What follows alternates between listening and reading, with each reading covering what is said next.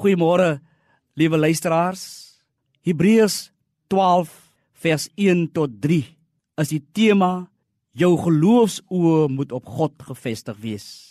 Vandag se Christene wat net soos die Hebreërs gevaar loop om hulle te onttrek omdat die beloftes rond die wederkoms nie in vervulling gegaan het nie. Op dieselfde wyse gewaarsku word deur die Hebreërs skrywer. Die betroubaarheid van God se beloftes en die sekerheid van die vervulling kan nie betwyfel word nie. In hierdie teksgedeelte word op 'n meeslike wyse hanteer. Ons moet ons 'n arena voorstel volgepak met toeskouers en aanmoedigers onder wie 'n groot getal persone is wat reeds die wedloop voltooi het.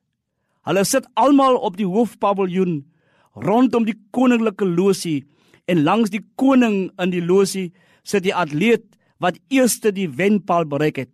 Nadat hy die onmoontlikste struikelblokke op die baan oorwin en vernietig het, die struikelblokke wat al die ander atlete sou verhinder het om die wedloop te voltooi. Die wedloop kan slegs 'n soort maraton wees maar uiteindelik om die uithoudsvermoë en volharding. Alle deelnemers wat aan die eindpunt binne die vasgestelde tyd bereik en dit so voltooi, kry die prys, net soos in die geval van die Comrades maraton.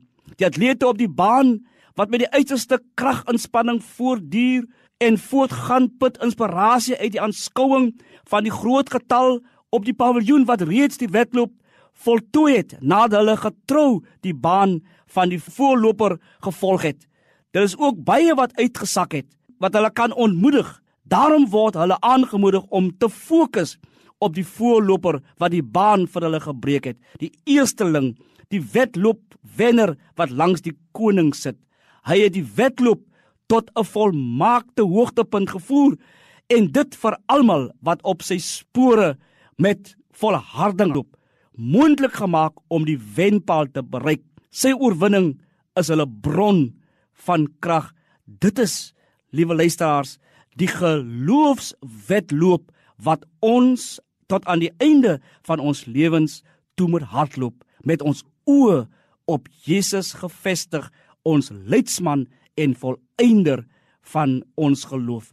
Is u geloofsoë op God gefestig?